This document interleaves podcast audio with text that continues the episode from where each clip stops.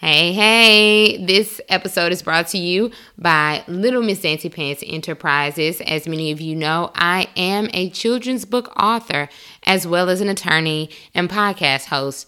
And I released the latest addition to the Little Miss Dancy Pants collection on Monday.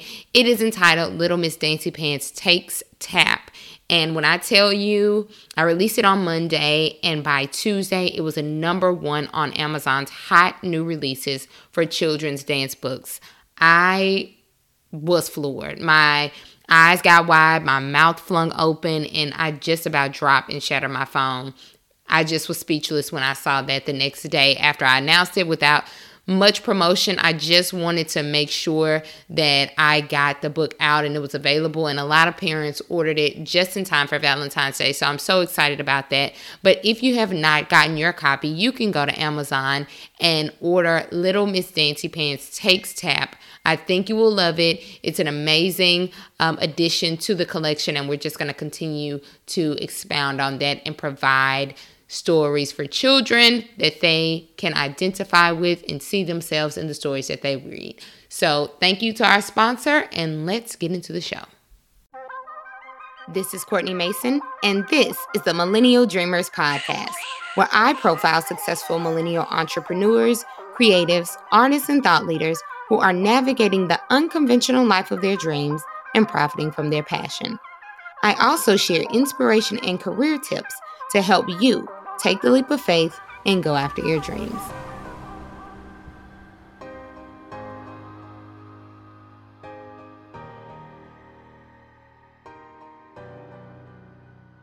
Hey, hey, friend. Happy Valentine's Day to you.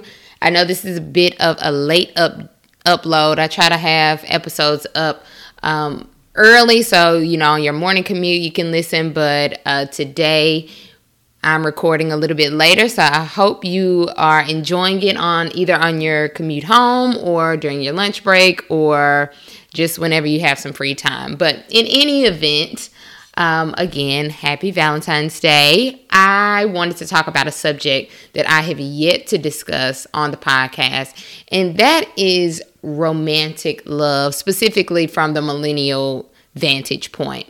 Um, I will talk about self love and self care all day. And last year on Valentine's Day, I released an episode um, entitled Love on Yourself, and it was all about how we you know the the holiday is focused on whether or not you're in a relationship and things like that. But the most important thing we can do is love ourselves. And so i talked about that in last year's episode but since I never really talk about it's a subject that I don't broach often. I love to listen to other people talk about it and hear their perspectives, but I really don't um, use this platform as a means of just discussing relationships. So, with that said, I wanted to bring this topic up because it's something that I'm I am interested in.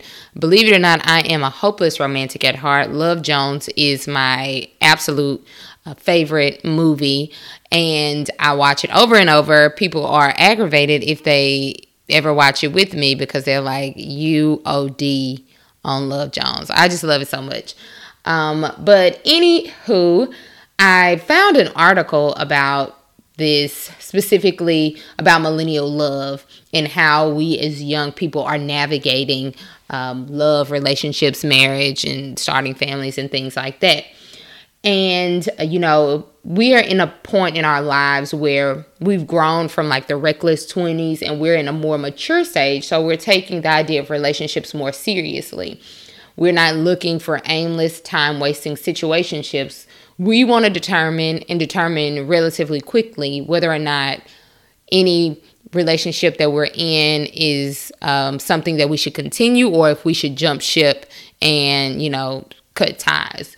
So, with that said, um, as I was thinking about the topic, and I usually will Google or find some things about it, I came across an article written by Brittany Wong, who is a senior lifestyle reporter with HuffPost.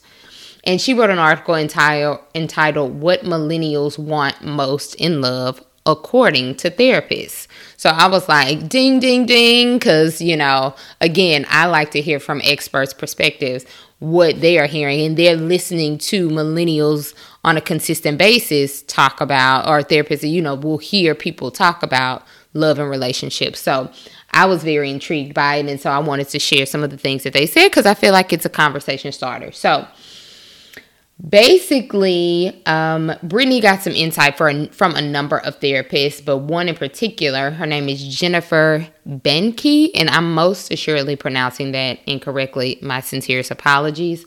But Jennifer, she's a family and marriage therapist in Florida, and she basically said you know, one thing that she's noted that millennials aren't looking for their mother's marriage or even their grandmother's marriage for that matter. We are waiting much longer to start families, and because of that, we're less likely to settle. Essentially, she said that millennials are searching for someone who kind of checks off all of the boxes for an ideal partner. And we want someone who's like financially equal, who can be our best friend, who is an erotic partner, and who has who will eventually be a strong co-parent if we haven't had children already. And so she said, you know, that's a very tall order to ask, but um, she's noted that millennials, if we find that a lot of those boxes or the majority of them aren't checked off, we're more likely to leave a relationship that's lacking, so to speak. And I, I think I find that to be true, not just from my own personal experiences, but from just talking to other people about love and relationships as well. So uh, there were six specific things that not only Jennifer, but several other therapists noted about millennials and love. So I just wanted to touch on those briefly. And that'll be it. So, the first thing is millennials want a partner who is as ambitious as they are. I absolutely agree with this because I'm a striver and I'm always trying to sit and work to achieve some type of goal. So it would feel imbalanced to me to date someone who doesn't have drive or who only wants to maintain the status quo. Now, there's nothing wrong with that, but me personally, I prefer, I'm very intrigued by others who are um, strivers as well and who are really pushing for something that they want to achieve. So I can agree with that. The millennials sometimes and often want a partner who is as ambitious as they are.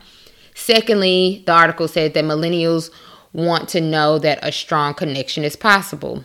Another therapist, Rachel Kazez, maybe pronouncing that wrong, as well. My apologies. But she noted that millennials sometimes feel like there's something wrong with them if they haven't settled down yet. So, because it hasn't happened and there's this pressure that we should be in relationships by the time we're in our, you know, late 20s to early 30s and starting families in uh, much sooner than we are. Sometimes we think, okay, well, if, if it's something that you just really, really want, you think, well, is it me? What am I doing? Am I lacking some way? What what can I do to make myself more appealing to the opposite sex or same sex, depending on what your preference is, and be in a relationship. Like, why is it happening for all of my friends and loved ones, but it's not happening for me? So that's one thing that she noted that, you know, we we want a strong connection to someone and um, if there isn't if it's not happening then there's this sense that they, there may be something wrong with us which probably not. Maybe it is but probably not. The third thing is that millennials want a life outside of their relationship. We need autonomy right? Our lives are not centered around our partners. We value independence in the midst of love i agree with this like I value relationships, I value love and all that comes with it, but I am I guess because I've been who I am and doing the things that I'm doing for so long that I absolutely value having autonomy and not making my whole life about being in a relationship. I feel like I'm, and most people will probably feel the same way that you're multifaceted and you have all these other things. You have great friendships, family, you know, your work relationships, the things that you, if you're a striver or, you know, something is, you don't have to be an entrepreneur, but if you're someone who wants to ascend whatever career goals that you have for yourself, there are other things that you're focused on. If you're a parent, you want to be the best parent you can be. So it's we want to have a certain level of um, independence and then a life outside of our relationships. Our whole existence is not based on whether or not we are in a relationship or married. Uh, the fourth thing is millennials want commitment, but not necessarily marriage. I found this interesting, and some of you may identify with it. I'm not saying that I do personally. But one therapist, Deborah Dooley, weighed in on it, and she said that marriage has become less desirable for some millennials because they've seen so many marriages fail. So they want the long term relationship and serious commitment, but a march down the aisle isn't necessarily a requirement for some millennials. And that could possibly be true because, you know, if you have grown up and have seen dysfunctional relationships, you might have an opinion that is, you know, oh, I don't want a relationship because they don't last, or if you've seen, you know, family members or, or people that you're close to maybe being unfaithful or, or witness infidelity, you might think of that, or you just might feel like, oh, I don't want to get into the legal entanglement of a marriage when statistics show, you know, there's a 50 50 chance it might work or it might not. So that's something that they've noticed that some millennials feel like they may not want to do marriage. They just might want to be in a long term committed relationship and and maybe proceed as a traditional married couple would, but not actually sign on the dotted line. So I found that to be interesting. Um, the fifth thing is millennials want a partner who's fair about housework in childcare. And a certified life coach, Jess, Jess Hopkins, she spoke on this particular topic and she noted that in therapy, there's a lot of angst about housework. And women specifically will talk about this or, or, or note that it's something that bothers them is that they don't just want someone who is the yin to their yang, she says women want someone who's equally involved in life's daily responsibilities and experiences. And that involves helping take care of the kids if you have them and also helping around the house. So, fellas and ladies, you know, I guess it's best to pick up after yourself, you know, you know, contribute to what will keep a, a home organized. It can be exhausting to have to wear all the hats to go and work a job and be a mom and a dad, to be a partner, but then also to make sure that your home is not in complete disarray and you can live comfortably. And if you may have a partner who's a neat freak or just more inclined to to do all of the things, I think what she's saying is that those partners who are like that would prefer if their significant others helped out more than they do and not just take it for granted that, oh, she'll do it or oh he will do it because he's usually the person that does this. And i think it's worthwhile to figure out what what either party is comfortable with. Um, my friend Matako and I were talking about it and she's married and she basically just says told me you know what works is finding out who can do what. So her husband cooks. Um, she is she's not interested in cooking. She's not good at it, and it's not something that she's just going to beat herself up about because she isn't. She is someone who would prefer to do the cleaning around and he and he does not want to do that. He doesn't want to take he doesn't want to wash the dishes and and you know do all that other stuff. So they have an agreement on what not chores but tasks they will do that helps them out. So i think that's important like just having that conversation like okay look if you do this i'll work on this or we can i'll ask you if i need you to pick the slack up here or there or whatever. It's just all about communication i think. And the last thing is millennials want someone who value intimacy and sex. And I, I think a therapist let me see i didn't even have extra notes on that but women are wanting to be fulfilled and satisfied in their sexual relationships with their partners. And it's just a matter of speaking up about it and not, and saying when it's lacking or when you're not fulfilled because gone are the times where women are just staying silent about not being pleased in that area. So uh, that's the, the the last thing is that millennials want a relationship where they can be fulfilled in the intimacy and sex and not just only sex because intimacy is much more than that.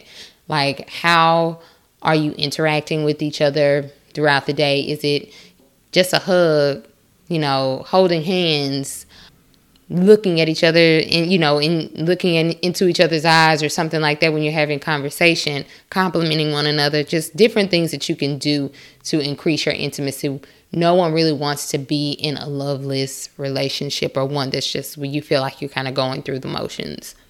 So um, I think that's pretty much it. I found it very interesting. You can find the article online and talk about it, but I wanted to spark the conversation. Someone else might be listening to this and thinking, I absolutely agree, or no, I don't agree with any of those. But let me know what you think. I'm really interested in it. You can always send me your questions or comments to millennial dreamers podcast at gmail.com. And I hope that you are having um, amazing day. You are my Valentine. So happy Valentine to you and uh, have a great one. Peace.